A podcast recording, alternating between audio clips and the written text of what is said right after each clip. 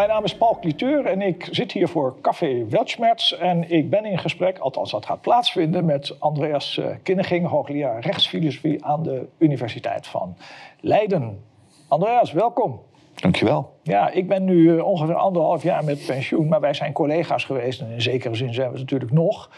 Uh, we hebben een lange geschiedenis. Ehm, ik denk terug aan 1988. Toen was het voor het eerst dat ik hoorde van een, een zekere Andreas Kinneging. Wat een hele bijzondere persoon was. En die was de secretaris van een werkgroep van de Telder Stichting, het wetenschappelijk bureau van de VVD. Ja. En, um, die, uh, en de Mare ging toen, um, nou, die, die, die, die, die, die, die, die werkgroep bestaande uit uh, Frits Bolkestein en Uri Rosenthal. Dat zijn een beetje, althans de bekende... De bekende Jacques van Doorn. Zat Jacques van Doorn zat er ook in, die is inmiddels overleden, de socioloog uh, Jacques van Doorn. En nog een paar mensen. En uh, jij was uh, uh, secretaris van een rapport dat de titel droeg en draagt Liberalisme, een, speurtocht naar de filosofische grondslagen. Volgens mij in Huizen Kindering bekend als de speurneus. En dat maakte nogal wat furoren. En wat ik je nooit gezegd heb, maar nu dan dus wel, dat is nu bij mij bovenkwam. Ik dacht, hé, hey, dat is toch eigenlijk leuk, want het was een tijd waarin alles werd gedomineerd door de sociaaldemocratie. Zoals je dat tegenwoordig hebt met D66, heb ik de indruk, was toen alles sociaaldemocratie. En de, en de Wiardi Beckman Stichting, het wetenschappelijk bureau van de, van de PvdA, er kwamen regelmatig uh, rapporten uit, maar er kwam nooit eens wat uit, uit, uit, uit, die, uit die gelederen van de VVD. En dit was voor het eerst dat ik dacht, ah, dat is wat. En dat, dat, dat sloeg ook in, die, die speurneus. En, um, uh, en wat ook een beetje bijzonder was, dat was de secretaris, jij dus, de jonge Kinneging. Um, ja, de Mare ging, ja, er is wel een werkgroep, maar eigenlijk heeft Kinneging dat geschreven. En dat was een rapport waarin het uh, ging om, om, twee lijnen in het, in het, in het uh, uh, liberalisme. Liber, ja. liberale denken. Een ontplooiingsvariant en een utilistische variant. Een ontplooiingsvariant die terugging op de filosoof John Stuart Mill. En de, de, de utilistische variant op Jeremy Bentham. En die verge, vergeleek jij met elkaar en maakte daar kanttekeningen bij. kritische kanttekeningen over het algemeen. En ja, dat, wat, dat, het was de bedoeling dat dat een beetje zou aanslaan in de VVD-gelederen. Of dat gebeurde, dat weet ik niet, want de VVD uh, had toen niet zoveel belangstelling voor die dingen en heeft dat volgens mij nog niet. Uh, maar ik vond het erg interessant. En een jaar daarna ben ik uh, aan de Universiteit van Leiden gepromoveerd op conservatisme. Uh, uh, conservatisme en cultuurrecht. En uh, ja, daar was je geloof ik wel op mijn promotie. En sindsdien ja. zijn wij een beetje met elkaar in contact gekomen. Als twee buitenbeentjes, zal ik maar zeggen, toen al in het universitaire systeem. Ja, we hebben elkaar ontmoet. Ja, zeker. We hebben elkaar ontmoet op het promotiefeest van Willem Witteveen. Ja, toen hebben we elkaar eerst uh, lijfelijk gezien. Willem Witteveen, hoogleraar encyclopedie ja. aan de Universiteit van Tilburg. Tragische dood van Witteveen. Zat in die, uh, dat vliegtuig, die MH17. Ja. Is naar beneden gestort, hè? Ja. Ongelooflijk. Ja, ja, ja, ja. Ja, ik denk er nog regelmatig aan hoor. Ja? Oké. Okay. Aan ja. hem of aan, de, of aan het ongeluk? Ja, allebei. Hè? Dus ja. dat, was nou echt een man van de vrede. Ja. En uh, ja. dat juist zo iemand op zo'n manier moet ja. omkomen, dat, uh, dat, ja. dat is toch wel heel uh, erg. Dat zou een almachtige en algoede, algoede God eigenlijk niet um, voor zijn rekening moeten nemen. Maar dat, dat, dat, dat is in een zekere zin wel gedaan. Nee, je mag nog niks zeggen, dat, dat komt straks. nee, maar inderdaad. Maar, maar het leuke met Willem Witteveen was ook dat hij, hij was um, actief binnen, de, binnen het PvdA. Hij is ook in, heeft ook in de Eerste Kamer gezeten voor, uh, heel lang. voor, de, voor de PvdA. heeft hij heel lang gedaan. Eigenlijk heel, heel, heel, heel vroeg. In de tijd dat ik me niet kon voorstellen dat je dat als hoogleraar zou ambiëren. Maar goed, later heb ik het zelf ook gedaan, zei het kort. maar Witteveen, die, um, ja, Witteveen die, um, uh, uh, was, was eigenlijk een directe collega van mij... in de zin dat hij ook een hoogleraar encyclopedie van de rechtswetenschap uh, ja.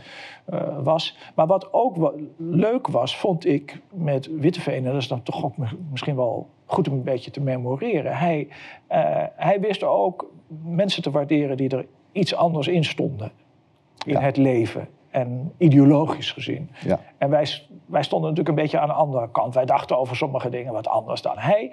Maar dat vond hij interessant. Ja. En dat is eigenlijk wat het toch moet, moet, zijn. Je, je, je, je, je verkettert elkaar niet meteen. dat is althans niet de uitgangspositie. Verkettering en uitsluit, uitsluiting. Maar uh, je kunt intellectueel uitgedaagd worden. En dat voelde hij zich denk ik wel door, door, door jouw werk. En uh, misschien ook wel een beetje omgekeerd. Maar dat was leuk.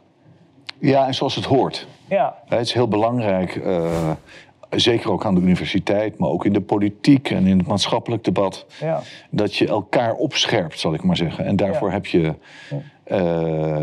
heb, je, heb je echt mensen nodig die het niet met je eens zijn. Ja. En hij begreep dat heel goed. En, uh, en, was beschaafd genoeg om zich daar ook naar te gedragen. Ja. En, uh, en ik heb dus altijd uh, ook hele leuke gesprekken met hem mm.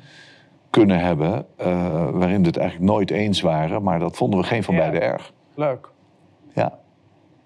Ja, en hij was toch ook wel. Kijk, je, je, in 1989 heb ik met hem, toen ik promoveerde op conservatisme. Uh, was het ook een beetje uit een soort van intellectuele nieuwsgierigheid. Het, voor mij was het ja. zo van, kijk, aan de, overkant van het, van, aan de overkant van het kanaal... daar heb je een conservative party. Dat vinden mensen heel gewoon. In ja. Nederland ja, trok mij daar een ontzettend vies gezicht bij. En ik dacht van, nou, toch wel eens leuk om te gaan kijken uh, over wat die Edmund Burke en die Joseph de Master en de Bonald en wat ze allemaal te vertellen hebben. Het was ook een, gewoon een nieuwsgierigheid daarna. Omdat in die tijd, dat was, dat was alles uh, sociaal-democratisch. Ja.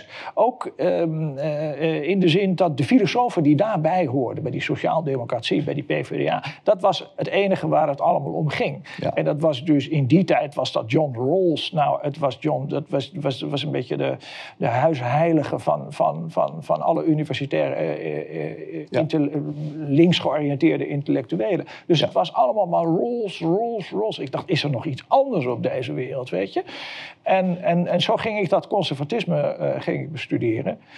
Dat, dat, ehm, eh, daar gingen wel heel, werden wel heel wat wenkbrauwen gefronst. Mensen die dat heel raar vonden. En, en, ehm, maar jij bent daar later ook op dat spoor gegaan. En je bent er nog veel verder in, gegaan dan ik. In de zin dat je daar, nou, ik mag wel zeggen, in zekere zin een heel oeuvre op hebt um, gebouwd. Dat is um, uh, begonnen even de grote lijnen met uh, de geografie van, uh, van goed en kwaad. Uh, met dat prachtige um, schilderij van Vermeer op de, voor, op de voorkant.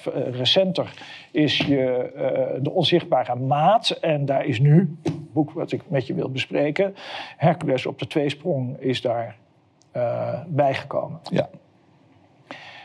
Um, en een van de. Um, kijk, en, en, en volgens mij is de hoofdlijn van jouw werk is, is, is, is, is, is betrekkelijk goed samen te vatten. Althans, ik ga een poging doen ja. uh, om, om dat te doen. En jij gaat mij corrigeren als ik dat verkeerd doe. Ja. Wat ongetwijfeld uh, ten dele het geval zou kunnen zijn. Kijk, op het begin heb ik me nu pas gerealiseerd dat jij, jij, jij hebt niet expliciet uh, een boek geschreven over conservatisme. De ideologie van het conservatisme. Zie hier de ideologie van het conservatisme. En dat is om die en die en die redenen allemaal beter dan het liberalisme of iets anders.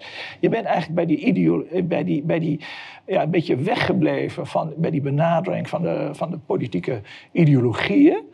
Um, maar je bent filosofisch gezien, is voor jou de aanvliegroute geworden de ethiek.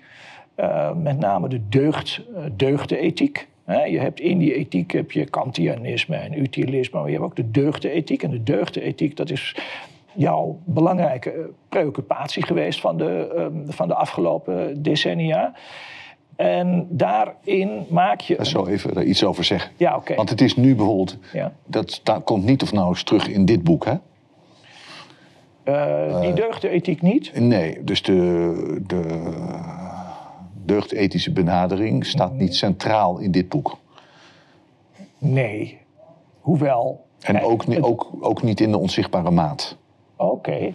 Dus het is, dat is, een, uh, is misschien ook goed om hier even voor de camera te zeggen. Ja. Het, is, het is een heel belangrijk onderwerp. Het is een okay. belangstelling van mij. Ja. Maar uh, het is niet. Het is. Het is uh, dus uiteindelijk. Uiteindelijk kun je mijn werk beter uh, beschrijven aan de hand van andere termen. Hè? Dus.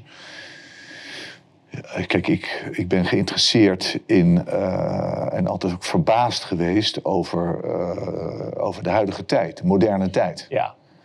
En,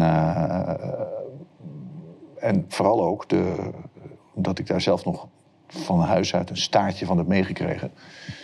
In het grote verschil met, uh, met hoe het vroeger was. Ja. Hoe het vroeger ging. Um, en uh, ik herinner me dat ik zelf als klein jongetje uh, toch heel altijd zat na te denken. Hè, hoe, hoe, komt dat nou, die verschillen, nietwaar? Ja. Wat zit daarachter en, en vooral wie heeft gelijk? Ik herinner me bijvoorbeeld bij mij thuis dat in begin jaren zeventig, dat, uh, die kom uit een, uit een katholiek milieu, een traditioneel katholiek milieu. Zowel van vaderskant als van moederskant. Dat, uh, dat in de jaren zeventig die, de moderne tijd, uh, ja, als het ware met een, met een hele grote hamer opeens naar, naar binnen kwam. Ah, ja. En dat we dus ook aan de keukentafel allerlei uh, gesprekken hadden, waar ik dan ook vaak niet aan meedeed, maar in ieder geval wel naar luisterde. Uh, die over, over, gingen over de verhouding tussen man en vrouw, of over het huwelijk, of, uh, of ook over de staat en de politiek. Gesprekken tussen je vader en je moeder? Ja, mijn vader en mijn moeder, maar ook gesprekken van mijn vader met mij, of, of gesprekken als, er, als er bezoek was. Okay. Waar ik dan altijd met grote oren bij zat. Ja, ja, ja. Zat. Uh, in, in, uh, ja, dat, in, in die tijd uh, kon dat er ook behoorlijk heftig aan, aan toegaan. Omdat natuurlijk veel mensen toch nog wel ja, traditioneel naar die dingen keken. Mm. Veel meer dan nu. Mm. Daar ook veel meer kennis van hadden, daarin opgegroeid waren. En daar echt, echt ook voorstander van waren. En ja. Dus uitgesproken opvattingen hadden over ja, de, al die nieuwe dingen hè, die vaak tegenovergesteld waren. Ja. En dan had je ook mensen die juist weer die kant kozen. Die, die dus Ja. eh, echt afscheid namen van een, uh, laten we maar zeggen, een katholieke of een Calvinistische opvo uh, Ja. opvoeding en, en leven van 30, 40 jaar. En hebben jouw ouders dat gedaan? Dat afscheid?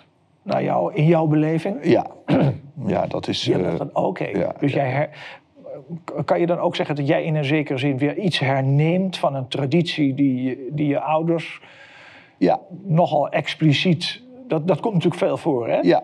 Dat, dat, eh, ja. Nee, maar dat is zeker zo. ja. oké. is zeker zo. Ah, oké, ja. Ik, eh, dus die heftigheid van die, van die, van die discussies.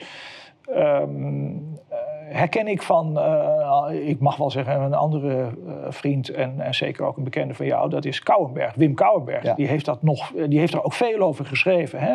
Dus van katholicisme naar vrijzinnigheid. En die, is, die, die, die heeft veel heftiger afscheid genomen van dat katholicisme dan jij dat hebt. eh, dan Ja, omdat hij een generatie voor mij Ja, was natuurlijk. dus- dus hij- heeft het aan den lijve Ja, veel sterker hij, hij, hij, hij, hij, kwam in opstand tegen Ja. het feit, dus hij wilde, eh, ging promoveren. En dan, dan zei hij iets, iets in, in zijn proefschrift, zei hij iets, iets, iets contrairs aan, eh, ik geloof dat het uh, Duinstee, hè, dat was ook zo'n Ja. katholieke hoogleraar Ja. van die vorige generatie. En dat, ja, Ja. dat, dat kon helemaal niet, weet je. Dus het was een hele hiërarchische, strak, strak hiërarchische wereld.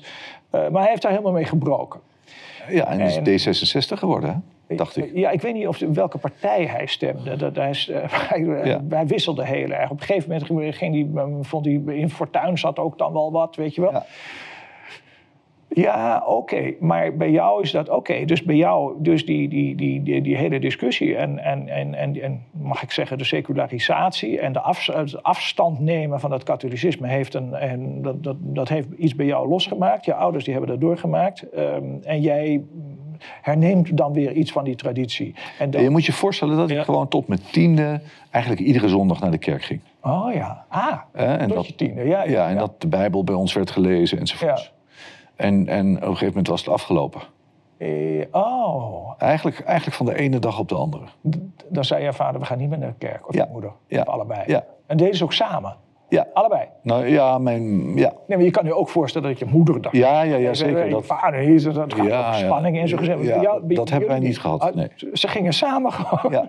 We gaan niet meer naar de kerk. ja, Oké. ja. En toen vroeg jij, ja, ja pap, mam.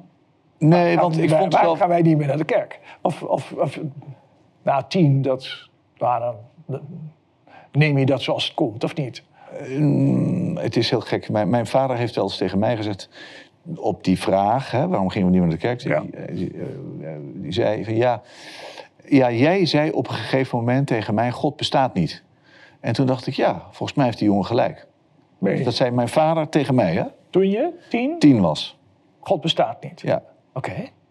Eh, Kun je je dat herinneren? Nee, dat kan ik me niet herinneren. Ik weet, ik weet dus niet of dat authentiek is, maar Dus je moet, hem, eh, maar je, moet hem, je moet hem op zijn woord geloven. eh, ja. Ja. Maar ik ben wel altijd dus iemand die verwonderd in de wereld heeft gestaan. ja. Dus ook, ook al heel jong, dat herinner ik me ook. Dat zie je bij John Stuart Mill, zijn autobiografie. Ook die kinderen die gaan, gaan op een gegeven moment dat soort dingen zeggen. Ja. Maar het, jij bent je misschien... Het kan, als je het gezegd hebt, ben jij je misschien niet helemaal bewust geweest van de impact Nee. die dat heeft gehad. En jouw vader die... die, die, die oh, wait a second. Ja, dat is zo. Ah. En daar zal natuurlijk bij hem ook al heel lang allerlei dingen eh, geweest zijn... dat dit de doorslag heeft gegeven of zoiets. In Ja, ja, ja. ieder geval, wij gingen niet meer. Nee. En, eh, en, we, en, en toen kwamen we dus terecht in, eh, in de jaren zeventig. En eh, ja, de discussie ging toen steeds minder over, laten we maar zeggen, de traditie, het katholicisme. En verschoof steeds meer in de richting van eh, staat en socialisme versus markt en liberalisme. Ja. Waarbij mijn vader heel duidelijk aan de kant van de, van de markt en het liberalisme stond. En ik, eh, ja, ik, ik zie hem nog wel schuimbekkend voor de televisie zitten. als Joop den Uyl weer een, eh, een redenvoering hield. Ja. En, en ook dat vond ik natuurlijk, ja, als, als verwonderd jongetje ongelooflijk interessant. En, eh, en, eh, en eh, dan vroeg ik me af van, ja, hoe, hoe zit dat nou? Hè? Wie, wie heeft er nou eigenlijk gelijk? Want, Ja. want als ik dan het op school aan de leraren vroeg of, of besprak... Ja. dan stonden ze natuurlijk grotendeels aan de kant van Joop den Uyl, nietwaar? Ja. Eh, dus dat was een heel andere visie op de wereld en de maatschappij en de staat enzovoorts dan de visie die, ik, die we thuis bespraken. Hmm. Dus ja, dat, ik, ik, eh, ja, achteraf, er zijn natuurlijk vele decennia voorbij gegaan, maar achteraf ben ik toch wel, eh, ben ik zeker niet ontevreden met deze achtergrond, omdat het mij enorm gestimuleerd heeft. Tuurlijk. Ja. Ja. Nou, en dus zo ben- ik eh, in feite dan naar Nijmegen getogen. met de grote vraag van wie heeft er nou gelijk, de socialisten of de liberalen? Ja. Dat was toen de vraag, hè? Dat was toen de vraag. Ja, dan heb ik nog een, een, een tijdje eh, eh, ja, liep naar de socialisten. Maar eh, men was het in Nijmegen dermate eens over het feit dat, eh, dat het socialisme, en in het bijzonder eh, Karl Marx, het eh, bij het rechte eind eh, had. Dat, eh, dat bij mij al heel snel de twijfel toesloeg. Ja. Dat, dat is ook iets van mij. Hè? Dus als iedereen het eens is, dan ben ik Ja. eigenlijk onmiddellijk geneigd om te denken: dit kan niet kloppen. Ja. Oscar Wilde, when everyone agrees with me, I get the feeling I must be wrong. Ja, ja. Dat heb jij ook heel sterk. dat heb ik ook. Ja, dat heb ik ook. Ja, ja. Hè, dus ook, ook omdat ik weet, ten, ten, helemaal doordrongen ben van het feit dat, eh, dat, A, dat wij mensen eh, het nooit helemaal weten. En, eh, en B, dat, dat we sterk onderhevig zijn aan modus. Ook in het denken. Eh, dus, dus als iedereen hetzelfde zegt, hè, bijvoorbeeld als iedereen zou Ja. zeggen van Ja. je moet geen vlees meer eten Ja. en, en ook geen melkproducten, je moet nu allemaal veganistisch worden. Of, of als iedereen zegt nee, maar er dreigt een klimaatcatastrofe, Ja. dan is het eh, het eerste wat ik denk, dat kan bijna niet waar zijn. En ik ga dat eens even goed uitzoeken. Ja. Nou, dat had ik toen ook al. Dus, Ja. dus eh, Maar dat, dat is aan zo'n universiteit dan. Want, want ik, kan me dat inderdaad herinneren dat eh, zelfs, zelfs voor 1988, daar daar schreef je ook met Klaas Groenveld, de toenmalige directeur van, Ja. de, van de Stichting, die ook eh, eh, in, al lang overleden is. ja. Daar schreef je ook over markt. En, Ja. en in, in die tijd eh, was je overigens, eh, eh, voelde je zelfs ook wel tot het libertarisme een beetje aangetrokken. Of jij las ook die boeken van eh, ja, een soort Eh, van, van, ja, van Rothbard en van Mises. en Doos. En, en, weet je wel? Hayek. En- ja, en dat, dat was wel heel, ook wel heel bijzonder in, in die zin dat er was toen een wetenschappelijk bureau, in dit geval het wetenschappelijk bureau van de, van de VVD, de Telder Stichting, die daar ruimte voor gaf. Ja. Hè? Dus, dus, dus die, heb je ook nog gewerkt echt voor de Telder Stichting? Tweeënhalf jaar. Tweeënhalf jaar ben ben je er ook. Oké, maar dat was een hele interessante tijd. Van, van, Ja. Maar je bent. ehm, eh, dat heeft niet beklijft. In de, zin- je, je, je bent nu geen VVD'er meer. Of je hebt je niet ontwikkeld tot iemand die heel erg lang trouw is gebleven aan die partij. Eh, je, Tot 1999. Dus dat is toch echt wel... oh, dat is wel lang, Behoorlijke langer tijd. dan ik had gedacht. Ja, ja, Ja. ja. ja. Kijk, het is als volgt gegaan. Hè? Dus, dus in mijn hoofd zat op een gegeven moment eh, dus het, het, de, de traditie, het geloof, christendom. Ja. Dat was naar, naar, eh, naar zeg maar. Ja, dat was eigenlijk van het netvlies verdwenen. En wat er overbleef was de vraag socialisme of liberalisme. Nou, nou ja, ik heb even, even dus gedacht, het socialisme, dat is het. ja. Toen ik eh 16, 17 was. eh 18 ook nog misschien wel. En toen, ehm, toen eh, ben ik mede dankzij een, eh, een goede docent, eh, Herman Aquina, eh, ben ik op het spoor gekomen van het eh, liberalisme. En dan vooral de, de grote liberale denkers, de grote Ja. liberale filosofen. Dat heeft altijd mijn, mijn speciale belangstelling gehad. Hè. Ik ben niet zozeer iemand die, eh, ja, die, die echt geïnteresseerd is in de dagdagelijkse politiek. Nee. Ik ben echt iemand die, ja, die wil weten ten diepste hoe het nou precies zit met allerlei denkbeelden of, enzovoorts. Eh, dus toen ben ik al die eh, liberale filosofen gaan bestuderen. Eh, zo, dat zijn we in 283. Eh, Denk aan uh, Ludwig van Mises, Friedrich van Hayek ja. enzovoorts. Eh, en van daaruit ben ik bij de Telder Stichting terechtgekomen. Eh, ik zocht een stageplaats ja. en ik heb toen gebeld. En de, de direct, toenmalige directeur van de Telder Stichting, eh, Klaas Groenveld... die toch ook nog even genoemd moet worden, nietwaar? ja, ja, ja. Echt een goede, goede man. Ah, is een leuke man. Ja. Die, die vond het allemaal hartstikke ja, interessant. En die heeft Ja. mij daar eh, feestelijk onthaald. We Ja, hebben ongelooflijk goede gesprekken gehad, een paar jaar lang. ja, En samen ook een paar boekjes gepubliceerd. ja. Eh, en, en zo ben ik dus, laten we maar zeggen, vanaf mijn twintigste ongeveer tot mijn eh, dertigste een echte liberaal geweest. Hmm.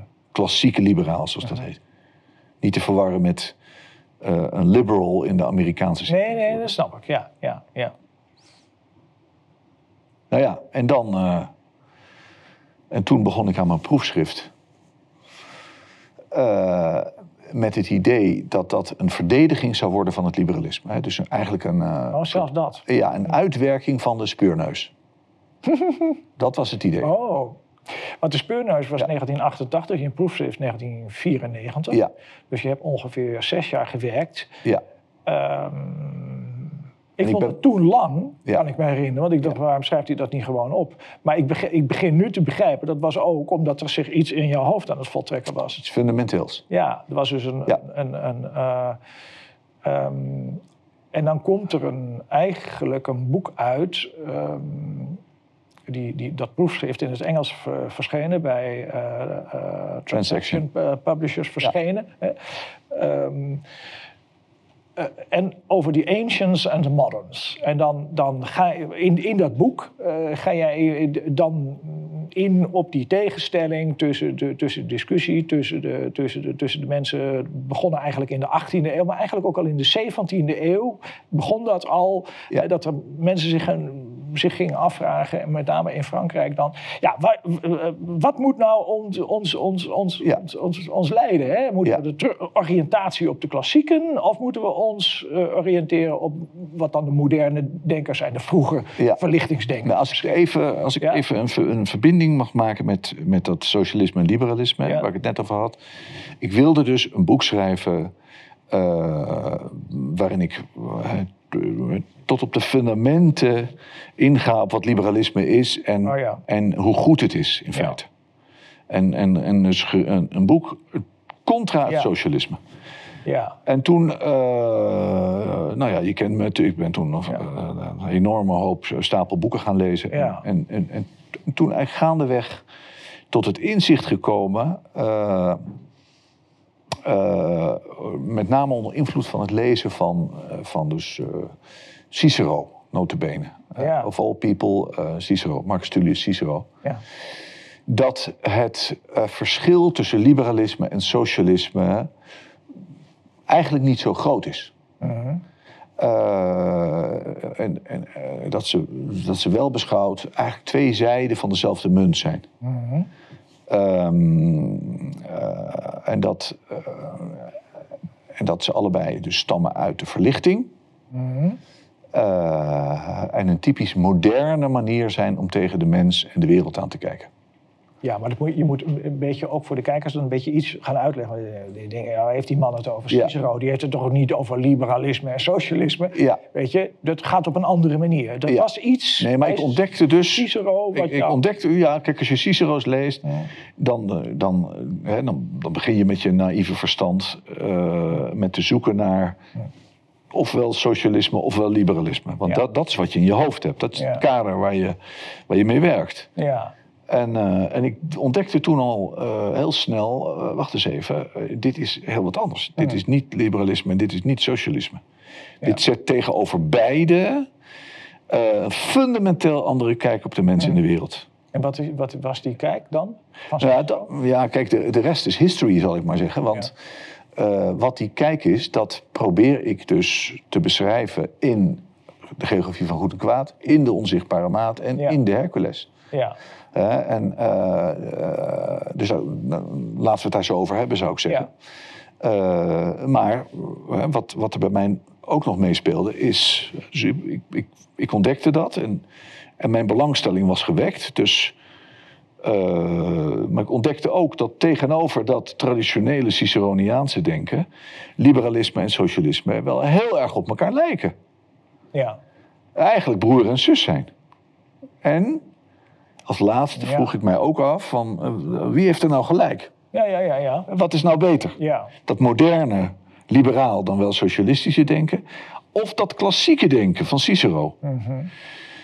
En toen, eh, ja, ik, ik, ik, eh, ik zie het als het ware nog steeds gebeuren. Hè, 30 jaar na dato, dat ik aan mijn, aan mijn bureau zit en, eh, en denk, maar wacht eens even. Dat klassieke denken van Cicero, dat is eigenlijk veel beter. Mhm. Dat, dat is veel realistischer. ja. Dat, eh, dat begrijpt, dat begrijpt de menselijke conditie veel beter Mhm. dan dat moderne denken. Mhm. Dat, of het nou socialistisch is of liberaal, maar dat toch eigenlijk een ideologische vertekening is van hoe de mens en de wereld in elkaar zitten. Nou, dat, dat, dat is de grote doorbraak geweest. En da- dat is geweest, ik denk 89 of zoiets.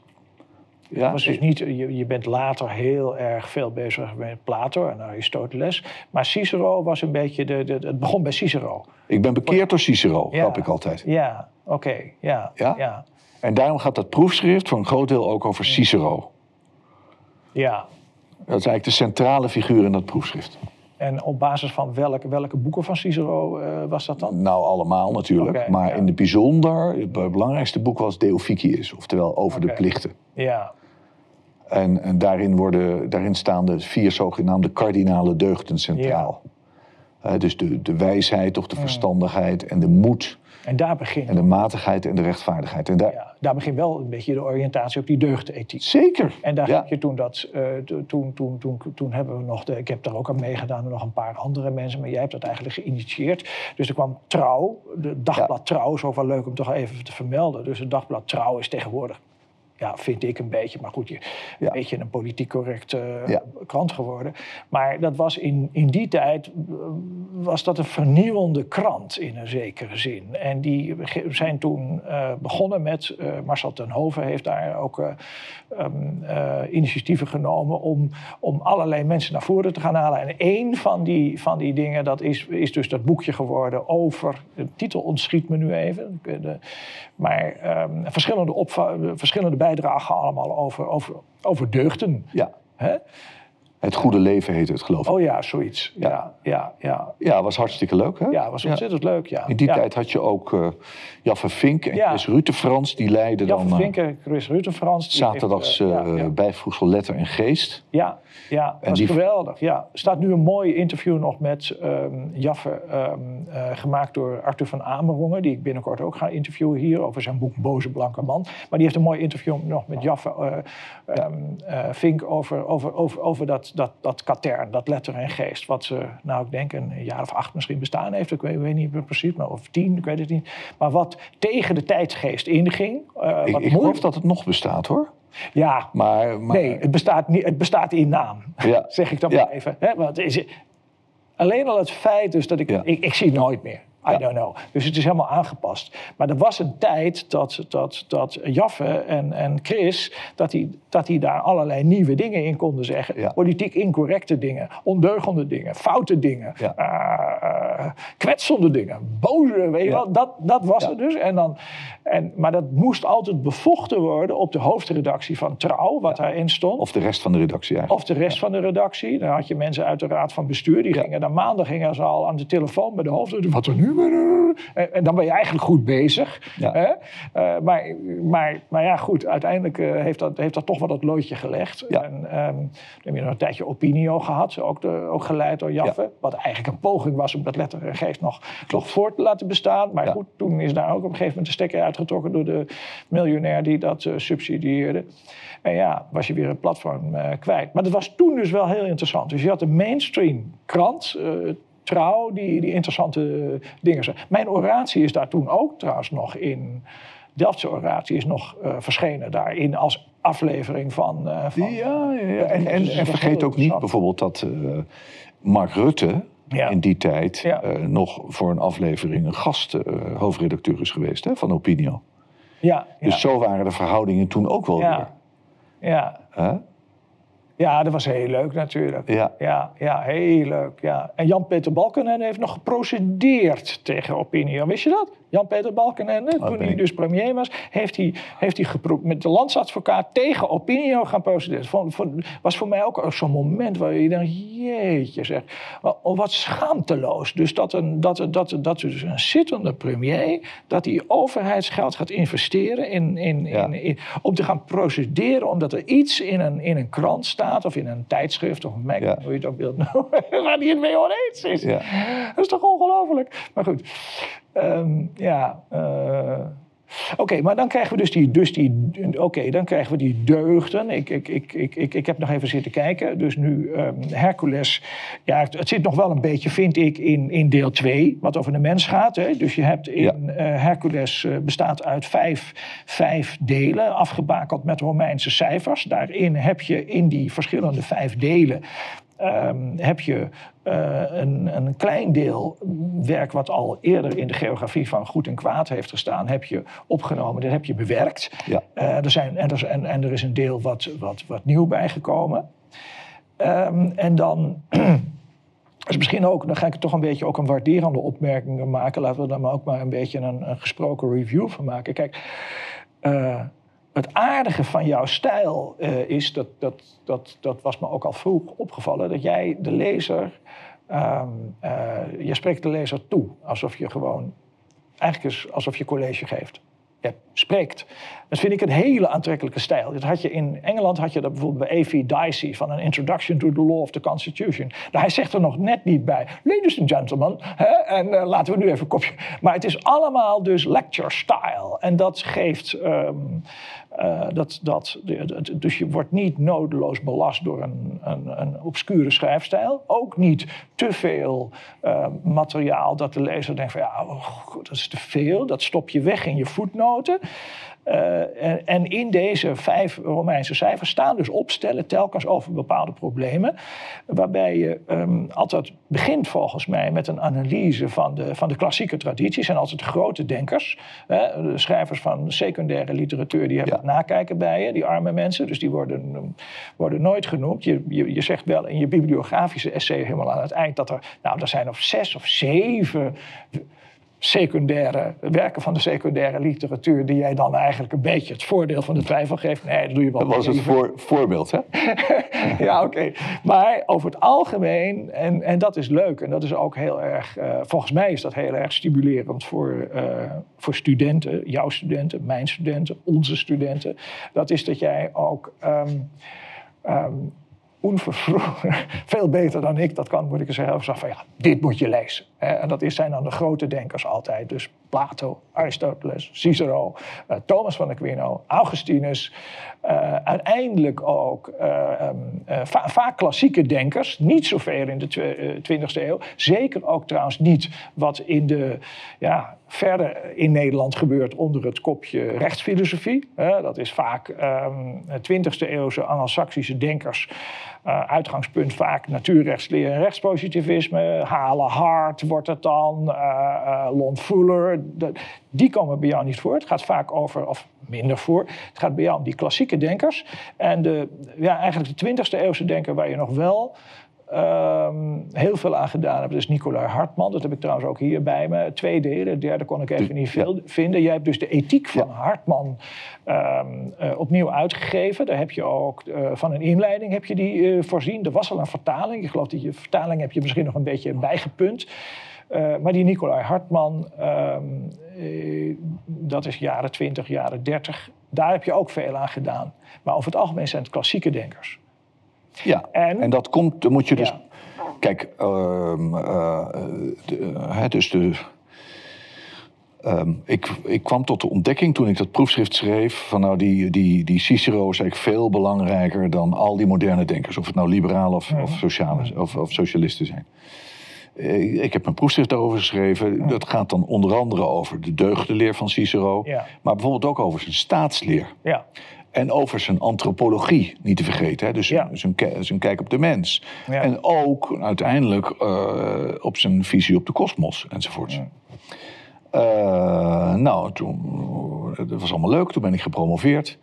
Uh, en, en, en toen dacht ik, ja, hoe moet ik nu verder? En dan ligt het eigenlijk voor de hand uh, dat je verder gaat met, met zo, uh, zowel aan de ene kant die, dat, dat moderne denken bestuderen in, in zijn verschillende varianten.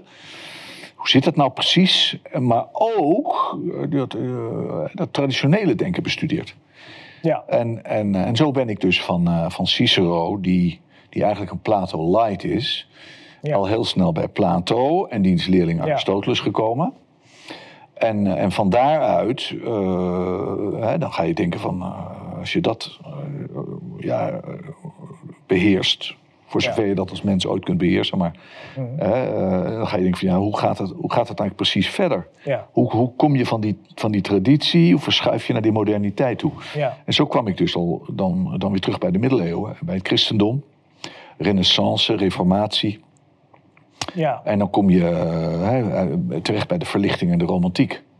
Voordat we naar die laatste gaan, even nog één opmerking over Cicero. Het is wel interessant. Dus dat proefschrift van jou, dat realiseer ik me nu, nu we erover zitten te praten, is ook eigenlijk ook een herwaardering van Cicero. Er zijn twee opvattingen over Cicero. Eén opvatting is heel negatief. Ja, Cicero, ja, ja gewoon een, uh, een beetje een uh, Romeinse politicus. Die, ijdeltuit. Die, die, ja, ook als persoon natuurlijk. Hoewel die ook dus wel meer was dan een ijdeltuit. Dat, dat hij in het, met name het begin van zijn periode, verdedigde die mensen met groot gevaar voor eigen leven. Het was wel iemand die zijn nek uitstak. Hè? Ja. Dat is allemaal een beetje triest geëindigd, want hij is natuurlijk onthoofd en zijn hand is eraf ja. gehakt, geloof ik. Die is op het forum opgehangen door uh, Marcus Antonius, hè? die, die, die, die uh, nadat Caesar vermoord was. Dat was een soort van afrekening ook met. Cicero. Dus hij heeft wel wat meegemaakt in zijn leven. Maar, in, maar ook in zijn vroege leven was hij als advocaat was hij hartstikke moedig. Hij deed dus dingen. Hij durfde ook hele impopulaire mensen te verdedigen. Hè? Een beetje... Uh, ja, Knoops die Wilders gaat verdedigen. Nou, dat, hè, dat is dat, is, dat, is, toch best een beetje moedig. Ja. Ehm, dat deed Cicero, maar men, men vindt over het algemeen, of algemeen... is- Vanaf de 19e eeuw eh, staat hij een slecht blaadje. Ah ja, ja dat is waar. Vanaf de ja. 19e Dat is, eeuw. dat is op een gegeven moment gekomen. Ja. Ja, ja, ja. Mommsen bijvoorbeeld is, eh, is een van de aanstichters daarvan. ja. Eh, maar Ja. de, ik- en, maar dus dat heeft ook te maken met een algemene herwaardering van de Grieken, waardoor de Romeinen vanaf de 19e eeuw Ja. eigenlijk duidelijk op het tweede plan komen te staan. ja. En, eh, Ja, ja. en in, in zekere zin is dit, eh, het, is een, het boek is een herwaardering van Cicero, absoluut, Hm. maar ook van de Romeinen in het algemeen. In het algemeen. Ja. Ja. Ja. Dat is dus interessant. En je bent dus via, via, via Cicero eh, kom je op het Romeinse denken in zijn algemeenheid. En daarna komen wat meer die Grieken in, in beeld. En met Ja. name eh, Platonisme. En dan schrijf je over Plato met een, je zou kunnen zeggen, met een religieuze verering. Ja. En ook wel überhaupt over de antieke. Je hebt het ook dan, Ja. dan contrasteer je dus de traditie met de moderniteit. En de traditie die schrijf je ook met een hoofdletter. Ja. Bam. Killiging heeft het over de traditie.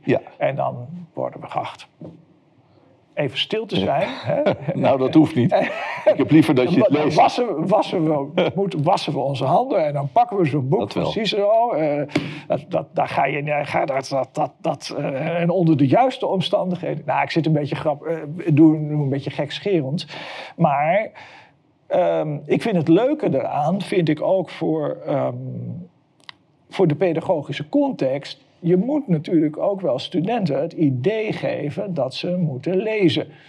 Ik begon de colleges encyclopedie. Dat heeft een eh, collega van jou nog met wie je sport eh, aan, de, aan het gewichtsheffen eh, gezegd. Van, ja, dat heb ik, heb ik altijd onthouden. Maar is eigenlijk een beetje kindergeniaals. Dat ik zeg, wie, niet leest is reddeloos verloren.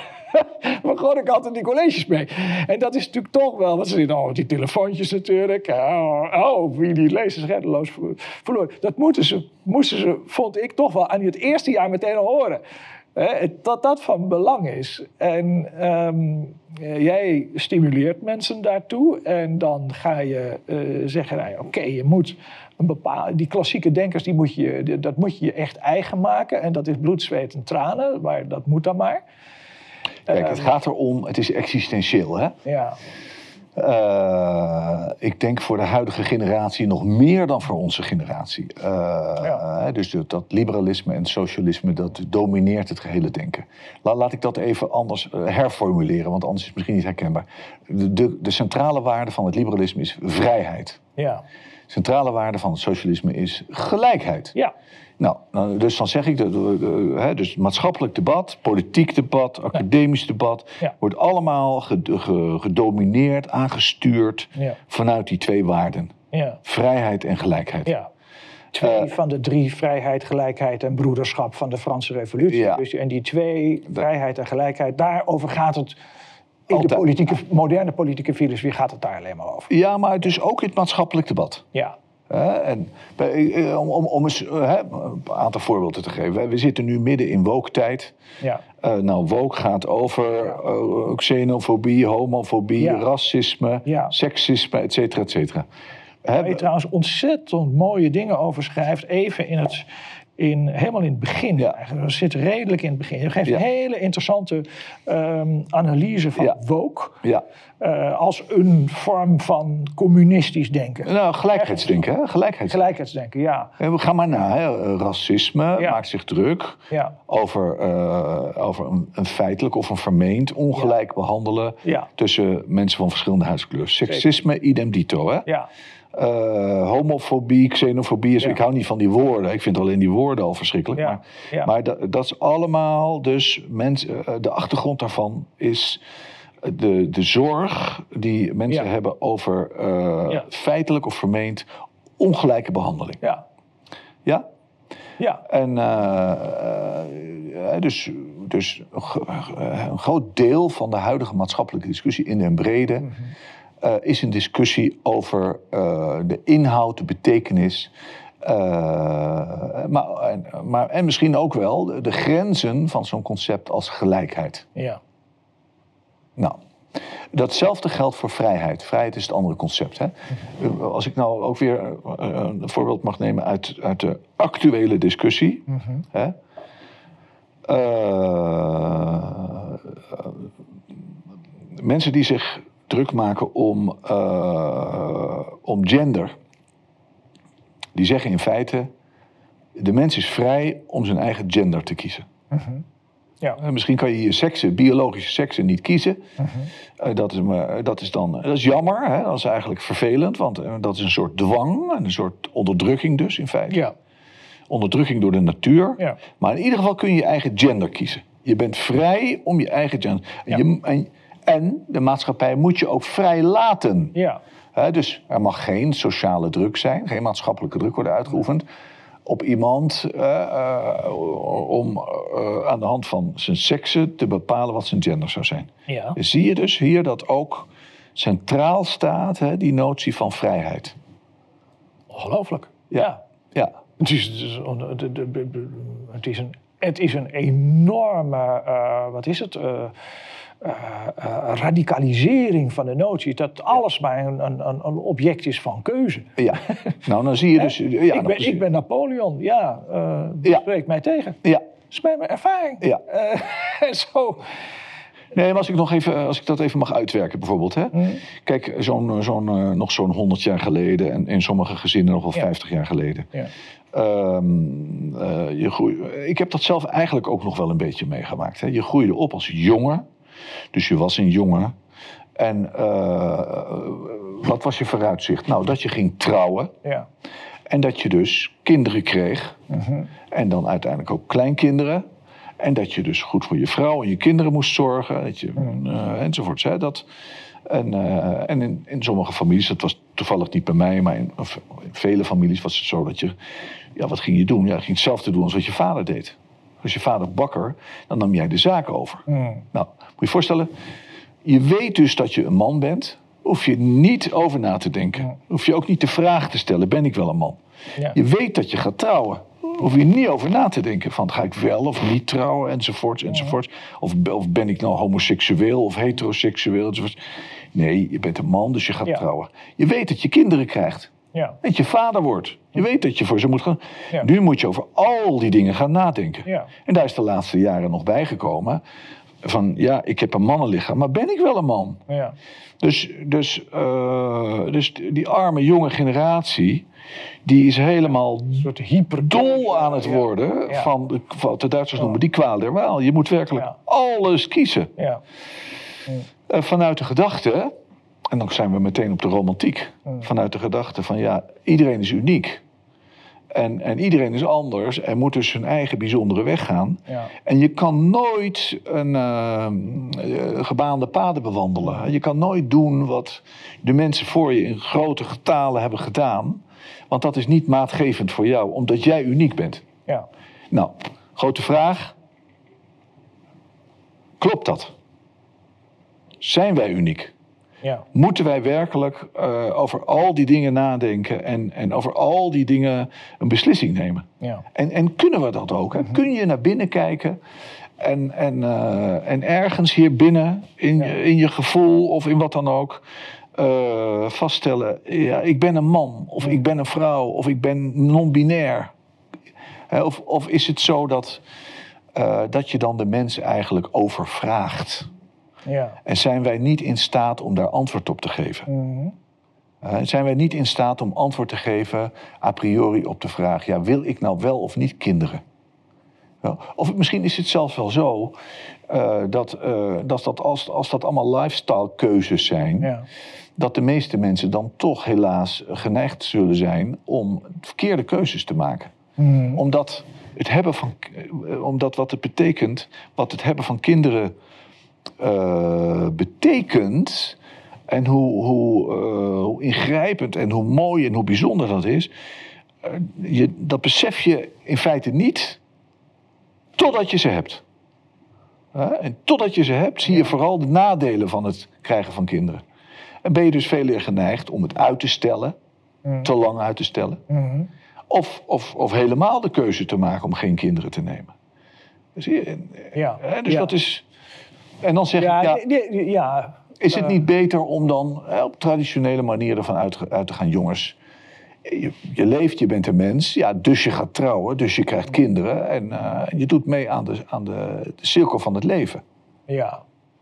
Is dat niet uiteindelijk voor de meeste mensen Ja. niet uniek zijnde, maar eigenlijk precies hetzelfde zijnde als alle andere mensen? Een veel betere, eh, veel wijzere eh, Ja. manier Ja. van in het leven staan. Nee, ik, ik snap je punt. Ehm, eh, ja, nee, ik bedoel, als je, als je, ik, ik ben jou aan het interviewen, maar je stelt eigenlijk nu een vraag terug. Dus nu, dus nu ga ik dan maar even toch proberen om dat te beantwoorden. Ehm, eh, eh, eh, ik denk wel dat dat voor heel veel mensen wel beter is. om dan ook maar die traditie te volgen. Eh, tegelijkertijd is het natuurlijk ook zo dat, dat, dat eh, het is fijn dat, dat er mensen zijn die ehm, iets unieks gaan doen. En die van een pad afgaan. En die iets anders doen dan de meeste mensen doen. Eh, om het maar even heel direct op jou te brengen. De meeste mensen zeggen, eh Nicole Har- Hartman interesseert me niet. Eh, dit is heel werk om zo'n boek te schrijven. Nog zo'n boek erbij, ook niet. eh. En bovendien, in deze boeken staan nog allemaal dingen... dat is heel anders dan andere mensen doen. Ja. Zou je nou niet een beetje je wat meer aanpassen... aan wat er verder om je heen eh, Ja. eh, te doen is? Je had je natuurlijk ook, hè, in 1988 had je natuurlijk ook gewoon braaf een proefschrift... over John Rawls kunnen schrijven. Als je, als je dan al een intellectuele inclinatie hebt... nou ja, pas je dan maar aan. Hè? Eh, eh, dus dit... ehm, Ja. dus, maar het is goed. Er zijn nog jongetjes als het Andreas Kinneging. En die stellen al op tienjarige leeftijd eh, aan hun vader de vraag: bestaat God eigenlijk wel? En, en, en, en als ze zich oriënteren aan de universiteit, gaan ze ook een eigen pad. Dat is goed. Wat, wat, wat, wat, wat, wat mij stoort in woke, dat is dat als, als het nu zo is dat. Nou, als ik even mag onderbreken, dan mag Ja. je verder. Hè? Kijk, ja, eh, het- het kan nooit zo zijn dat regels echt altijd en voor iedereen gelden. nee. Dus daar, daar, hè, dat weet je. Dus Ja. ieder, alle regels Ja. hebben uitzonderingen. Maar, Klopt. maar Ja. we zijn nu terechtgekomen in een situatie dat we zeggen: er zijn geen regels. Ja, ja, ja precies. En eh, het ligt Ja. voor iedereen Nou ja, anders. dat analyseer je aan de hand van Sartre. Hè? Ja. Eh, L'homme est ce qu'il se? Ja. Dat, dat is dus de mensen, eh, l'existentialisme et humanisme. Ja. L'homme se. Je kan alles Ja. doen. Dus, maar het, het, het gevaar daarvan inderdaad, en dat analyseer jij daar ook nogmaals aan de hand van Sartre, denk ik goed. Kijk, het gevaar is dat er ook geen, on, dat er ook geen, geen, geen verschil meer wordt gemaakt tussen de verschillende manieren waarop je uniek kan zijn. Ik vind het ontzettend mooi als iemand heel mooi piano gaat spelen en die gaat Chopin goed zitten bestuderen. En ik vind het heel mooi als mensen hun uniciteit willen gaan bewijzen door heel, eh, hele mooie boeken te schrijven. Maar er is nu Nee, maar dat- er dat is wel- ja, het kijk, gevaar dat je dus Je nu. moet nooit je uniciteit willen bewijzen.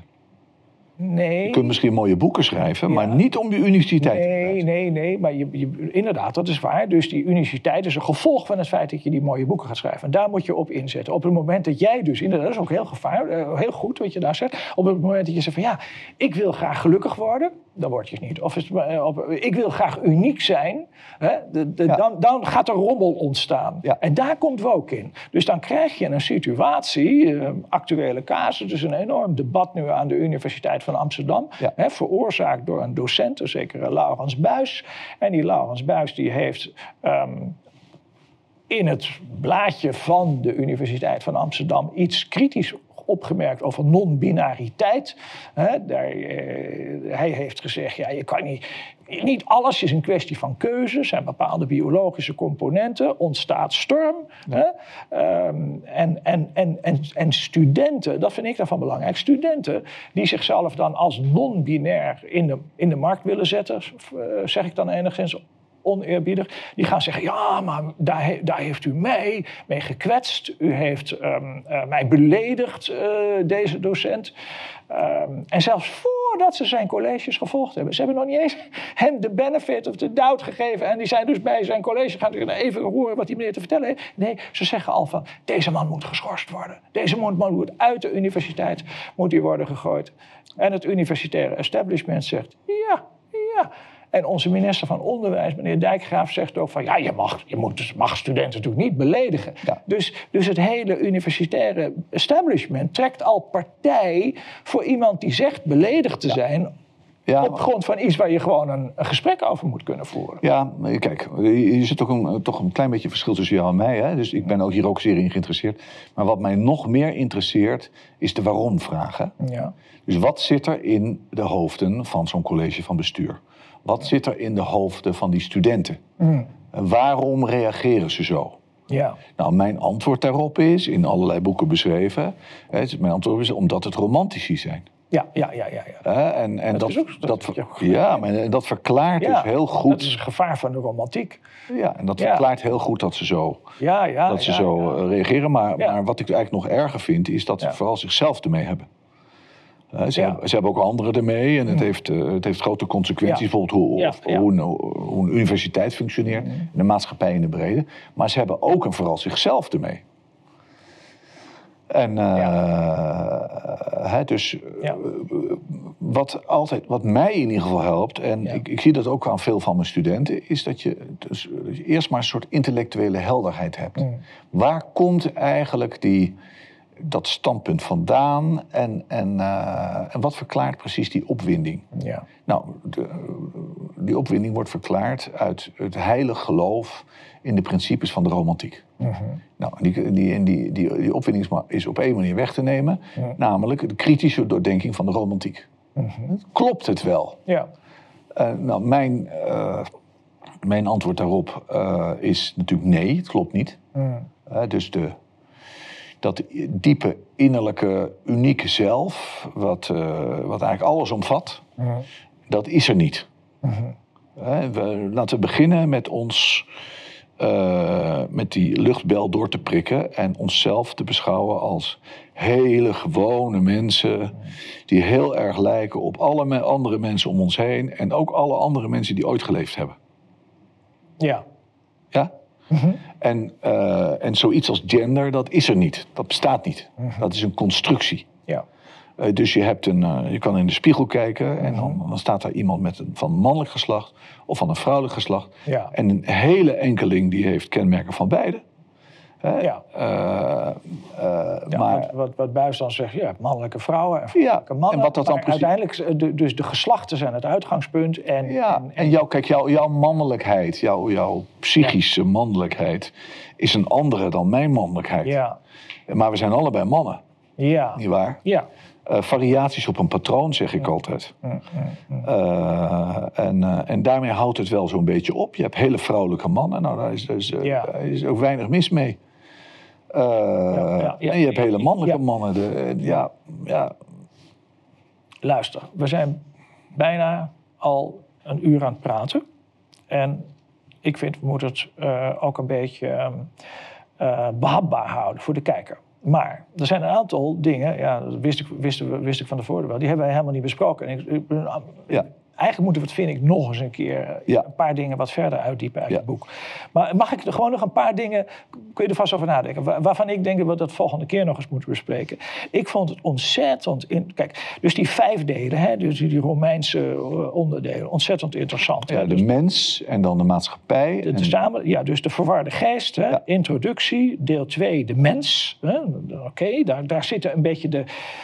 Het zou me niet verbazen dat er klassieke dingen in, in, in staan die je ook in de geografie van Ja. goed en kwaad eh, hebt gezet. Maar dat weet ik niet. Ik ben dat niet meer gaan vergelijken. Ja. Dan heb je de samenleving. Hè. We hebben veel over Tocqueville. Dat is echt een, een hele grote held van jou. Hè. Eh, Cicero, Plato, Tocqueville.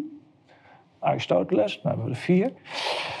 Eh, dan heb je eh, deel 4, de, de, de staat. Eh, heel veel eigenlijk over wat de meeste mensen nog zullen herkennen als... oh ja, oké, dit is de klassieke rechtsfilosofie. Hè, Ja. vanuit een, wel vanuit een klassiek kader. En dan 4, de wereld. Ehm, nou, ik, De wereld in ik- de zin van, in de, zin van de, de vraag of, ehm, of zoiets als goed en kwaad bijvoorbeeld, Ja. of dat iets is. Ja, ja, Of dat bestaat of niet. Of dat ge, geaard is, gegrond is in de werkelijkheid. ja, ja, Dus, dus rechtsfilosofisch uitgedrukt, de vraag van het natuurrecht. ja. Inderdaad, rechtspositivisme, rechtsstaat en natuurrecht. Maar dat moeten we volgende keer doen. Ik, ik, ik vond het heel erg interessant, daar wil ik dan mee besluiten als je dat goed vindt. Eh, Ik vond het heel interessant ehm, wat je. ehm, eigenlijk ook zegt over soevereiniteit. Uh, je hebt een aantal um, denkers naar voren gehaald over de soevereiniteit. De belangrijkste zijn natuurlijk uh, Thomas Hobbes en, en uh, Jean Baudin. En het leuke is, soevereiniteit, dus het idee ook van nationale soevereiniteit, is natuurlijk volkomen taboe. Jij gaat ook terug naar deze, en, en, en trouwens ook Rousseau, hè, dat, dat, dat vertoog over de ongelijkheid, speelt daar ook een rol in. Uh, ik denk dat we daar zeker volgende keer nog over moeten hebben, dus die wat mij betreft. En... Um, uh, nou ja, goed, en dan wat verder ter tafel komt. Maar dat, dat hebben we nu nog, nog helemaal niet gedaan. Is er nog echt iets wat je wil zeggen dat... Uh, uh, Diepenhorst zei dan altijd aan het eind van het college... en hoe was het ook alweer? Dat, dat wil iemand nog iets opmerken... zonder de welke deze bijeenkomst niet als geslaagd mogen gelden? Dan is dit moment. Zo niet, dan... Um... Nou, als ik nog één ding mag. Kijk, ja. het, het, schilderij wat hier op de kaft staat... Hè? Ja. Uh, dat is van Pompeo Battoni, is uit de 18e eeuw. Ja. Schitterend schilderij. Ja. En, uh, als 1784. Ja. Liechtenstein Museum. Ja, in Wenen.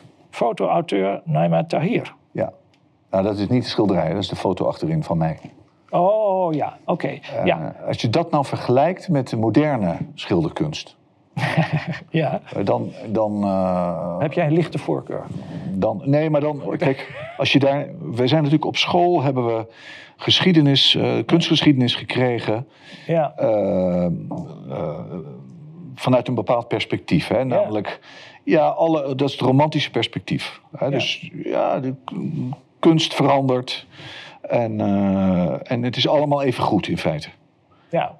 Uh, nou, ik zou de, de mensen die, die kijken willen vragen. Ja. Probeer, Is dit niet te probeer je daar nou eens helemaal los van te maken. Ja. Hè, van dat denkkader. Ja. Kijk dan eens goed naar hè, bijvoorbeeld de geograaf van Vermeer, die nu in het Rijksmuseum hangt. Ja. Of naar Pompeo Battoni. Mm. En vergelijk dat nou eens met hedendaagse. Ja, ja, ja. ja, ja.